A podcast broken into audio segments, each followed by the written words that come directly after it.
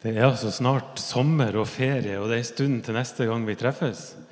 Så jeg har lyst til å sende dere ut i sommeren til fest og glede og sol og regn og alt det her. Med, dere skal få ei historie å ta med dere. Og så skal dere få ett bibelvers å ta med dere, og så skal dere få en velsignelse. Historia den er sånn at i 1994, kjempelenge siden altså, da kom det en film italiensk film som heter 'Il Postino'. 'Postmann' på norsk. Jeg vet ikke om noen av dere har sett den, men jeg så den da den kom. Og så ble jeg mint av en fyr mint på at jeg har sett den her om dagen. Og så tenkte jeg den skal jeg fortelle dere om. Filmen handler om livet i en vakker, liten italiensk fiskelandsby. Og i denne landsbyen der velger altså Pablo Neruda å slå seg ned. Han velger å bo der. Pablo Neruda er den verdenskjente chilenske forfatteren som har skrevet kjærlighetsdikt så vakre at damer over hele verden har falt pladask. De elsker den mannen der. Og Alle i denne italienske landsbyen de syntes det var helt topp at Pablo Neruda flytta akkurat dit. Og Nå har han kjøpt et hus som ligger avsides oppi ei fjellside. Det som befolkninga i landsbyen ikke hadde tenkt på, det var at hver dag så kom det massevis av brev til bygda, til Pablo Neruda. Det kom sekkevis med kjærlighetsbrev til denne forfatteren fra hele verden. Damer over hele verden sendte så mye brev til denne landsbyen at de klarte ikke å håndtere det. Så det de måtte gjøre, det var å ansette en, enda en postmann. Og Det er derfor denne filmen heter 'Postmann'. Og Filmen handler om denne unge gutten som ble ansatt som postmann, som fikk denne jobben. En enkel kar. Sånn Litt sånn svak i tanken, hvis det er lov å si. Ikke sånn helt den skarpeste kniven i skuffen. Og denne postmannen hadde én oppgave, og det var kun å ta vare på alle brevene som Pablo Neruda fikk. Det var en heltidsjobb. Så Hver dag så frakta han brevene opp i fjellsida på sykkelen sin. Og etter en stund, etter å ha levert brev mange mange ganger, så oppstår det et vennskap mellom denne postmannen og Pablo Neruda. Og Pablo Neruda gir ham bøker, han gir diktsamlinger til denne gutten, som leser og leser og leser. Og så skjønner han at jeg elsker litteratur.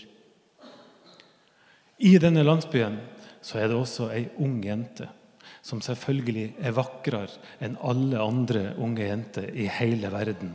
Og postmannen han forelsker seg helt hodestups og pladask i denne jenta. Og det er jo en dårlig deal selvfølgelig i utgangspunktet. For det er jo ikke mulig at den vakreste jenta på jord skal vil ha, ønske å være sammen med en på alle måter ganske enkel postmann. Det er litt skeiv balanse der, for å si det sånn. Men postmannen, han tar sjansen. Og Så tar han med seg jenta på stranda en dag. Og På stranda der så framfører han et voldsomt dikt. Han leser og leser, pompøst og stort, og så er det veldig vakkert, og så frir han. Og denne jenta syns at det han gjør, det er så vakkert at hun svarer ja. De to blir et par, altså. Og postmannen er vel verdens lykkeligste mann. Men han har ett problem, denne postmannen.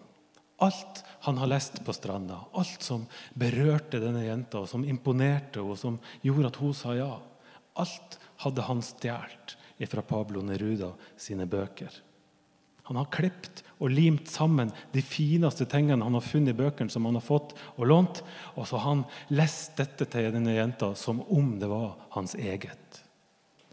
Og nå hadde han altså sånne kvaler.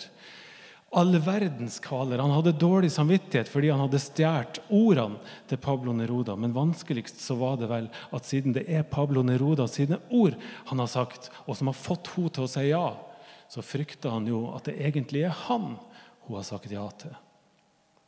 Og dette gjør at han, det vrir seg inni denne gutten. Det river og sliter i han. Og til slutt så sykler han opp fjellsida til Pablo Neruda uten post, men med et spørsmål. Med et bankende hjerte så står han der og forteller hva han har gjort. Og Pablo Neruda, hva er det han gjør da, tror dere? Han gjør noe som er ordentlig, ordentlig fint. Han står der og hører på gutten, og så sier han dette. Ordene de tilhører ikke den som skriver dem, men ordene de tilhører den som behøver dem. Hørte dere det? Ordene tilhører ikke de som skriver dem, men de tilhører den som behøver disse ordene. Jeg syns det var kjempefint sagt. Og postmann han trengte noen ting som han ikke hadde. Han trengte noe han var, ikke var i stand til å skape sjøl for å oppleve den store kjærligheten. Men så var det sånn at han visste hvor han skulle hente. Og når han henta det, så fikk han ikke bare låne det, men han fikk det. Det ble gitt til han. Det er ditt hvis du behøver det. Det er ikke mitt. Og jeg tenker at akkurat sånn er det altså i forhold til Gud. Gud har skapt de fineste ting. Gud har skapt gleden. Gud har skapt fred. Gud har skapt nåde og kjærlighet og tålmodighet og selvbeherskelse. Og Gud har skapt innholdet i alle disse fantastisk store og flotte ordene. Og vi trenger innholdet i disse ordene. Det er jo disse, dette innholdet som gjør at livet blir godt å leve. Men så er det sånn da for oss at vi klarer ikke alltid å skape det innholdet sjøl. I stedet for kjærlighet så bruker i hvert fall jeg ofte å skape irritasjon eller misnøye. I stedet for fred så skaper vi uro. I stedet for glede så gjør vi ting som forårsaker sorg. Men da, alltid og uansett, så har vi et sted å gå, dere. Der vi kan hente disse gode tingene. Vi kan gå til Gud, som har skapt disse gode tingene. Og Gud låner det ikke ut. Han sitter ikke og tviholder på rettighetene eller på det han har skapt, men han deler ut til alle som vil ha, sånn at vi kan eie det. Gleden tilhører altså ikke Gud, som har skapt den, men gleden tilhører den som behøver den. Kjærligheten tilhører ikke Gud. Det er han som har skapt den, men kjærligheten tilhører den som behøver den. Og tålmodigheten tilhører ikke Gud, sjøl om Gud har skapt den. Gud gir den videre til alle som vil ha. Ikke til låns, men til eie. Den tilhører alle som behøver den. Og Nettopp derfor ønsker jeg å dele denne fortellinga om postmannen med dere. Ta det med dere ut i sommeren. Husk den. Husk det hver gang livet er vanskelig. Det fins et sted å gå der det går an å hente det vi behøver. Ikke til låns, men dette kan vi eie. Det er den ene tingen jeg hadde lyst å gi dere på veien ut i sommeren. Denne historien om postmannen. Fordi den sier så masse om vårt forhold til Gud og Guds forhold til oss. Det andre jeg har lyst til å gi dere, det er et bibelvers. Og Det er Jeremia 17, vers 7 og 8. Og Den kommer opp på skjermen der. Og Det er noe av det fineste som står i boka. Der står det Velsignet er den mann. Og La meg nå bare få omskrive Bibelen akkurat her. Velsignet er den mann og kvinne som stoler på Herren og setter sin lit til Han. For han lik, og hun er like et tre som er planta ved vann og strekker røttene mot bekken. Det frykter ikke når heten kommer. Løvet er grønt. Det engster seg ikke i tørketida og slutt ikke å bære frukt. Er ikke det fint? Jeg elsker det bibelverset der. Jeg elsker det bildet der om treet som står der, og som strekker røttene sine ut i bekken. Og der finner den alt den trenger for å leve. Sjøl når det blir tørt, så er løvet grønt. Og det slutter ikke å bære frukt, uansett forhold. Og I dag så har vi snakka masse om velsignelse, og jeg tenker at det er dette som er å være velsigna. Det å være velsigna, det er å slippe å stå alene når tørken kommer, men å ha ei kilde som vi kan ause ut av. Hørte dere det? Ja. Det er herlig å se at dere hører det. mange som blir distrahert i dag. Det er fantastisk at vi har masse barn her. Bare slapp av. Det er sånn det skal være. Men dette må dere få med dere. Velsignelse det er å slippe å stå alene når tørken kommer. Velsignelse det er å ha ei kilde å ause fra. Og Det som skjer da, når vi har denne kilden å ause fra, da blir ikke velsignelsen bare oss til gode, men vi skal bære frukt under alle forhold, står det i dette bibelverset. Og Det betyr at den som er velsigna, også blir til velsignelse for andre. Tenk det. Den som er velsigna, kan spre Guds godhet til verden rundt oss. Og Nå skal vi av gårde, hvert til vårt, det er en måned og vel så det er til neste gang vi møtes. Sommeren er lang. Det venter gleder og det venter sorger i deres liv og i mitt liv. Og jeg håper at dere tar med dere historier om postmannen, som fikk det han trengte, helt gratis, til eie. Og at dere vil ta med dette bibelverset om treet som har ei kilde å ause ifra.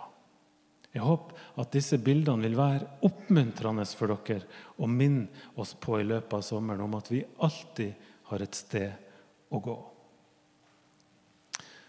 Og så har jeg lovt dere at dere også skulle få en velsignelse. Og jeg har pistra meg til å få lov å lyse velsignelsen over dere. Vanligvis så gjør vi det i slutten av gudstjenesten, og det er møtelederen som bruker å gjøre det. Men jeg har fått lov til å gjøre det nå fordi Guds velsignelse, som vi som kirke forvalter, den passer veldig godt sammen med disse to bildene, disse to historiene om postmann og treet. Jeg tenker at veldig ofte så glemmer vi å gå til kilden. Vi glemmer å gå til Gud. Det er så mange andre plasser å gå. Det er så mange som skinner så mye bedre enn det, og i hvert fall så mye kraftigere i bevisstheten vår enn det Gud gjør. Eller så prøver vi å ordne opp på egen hånd veldig ofte. Andre ganger så klarer vi ikke å gå til Gud. Alle krefter er borte. Kanskje Gud er borte. Eller vi tviler så sterkt at vi ikke engang orker å prøve. Men dette må dere få med dere, og det er derfor jeg har lyst til å lyse velsignelsen over dere. Det er fordi at velsignelsen den handler ikke om hva vi skal gjøre. Velsignelsen handler om hva Gud har gjort for oss. Og Det er en vesentlig forskjell. Vi kan ikke gjøre noe fra eller til.